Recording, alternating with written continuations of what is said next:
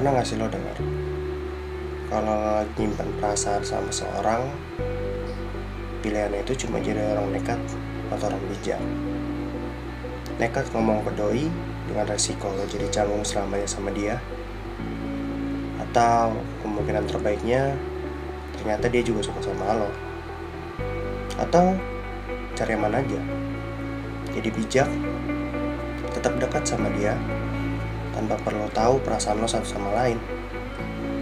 Liatin ketawanya, padahal lo tahu perasaan lo nggak bisa saling memiliki, nggak bisa saling memenuhi, dan nggak bisa lebih jauh daripada itu. Gue pernah dengar, kalau lo suka sama orang, tapi nggak lo ungkapin, ya udah, selamanya perasaan lo bakalan kayak gitu terus. Tapi kalau lo ngomong, lo punya dua kemungkinan, diterima atau ditolak. Setidaknya lo udah coba sih. Ya, jadi lo tipikal orang nekat atau orang bijak. Kalau gue sih bijak. Gue Mr. K. Sampai jumpa di monolog berikutnya.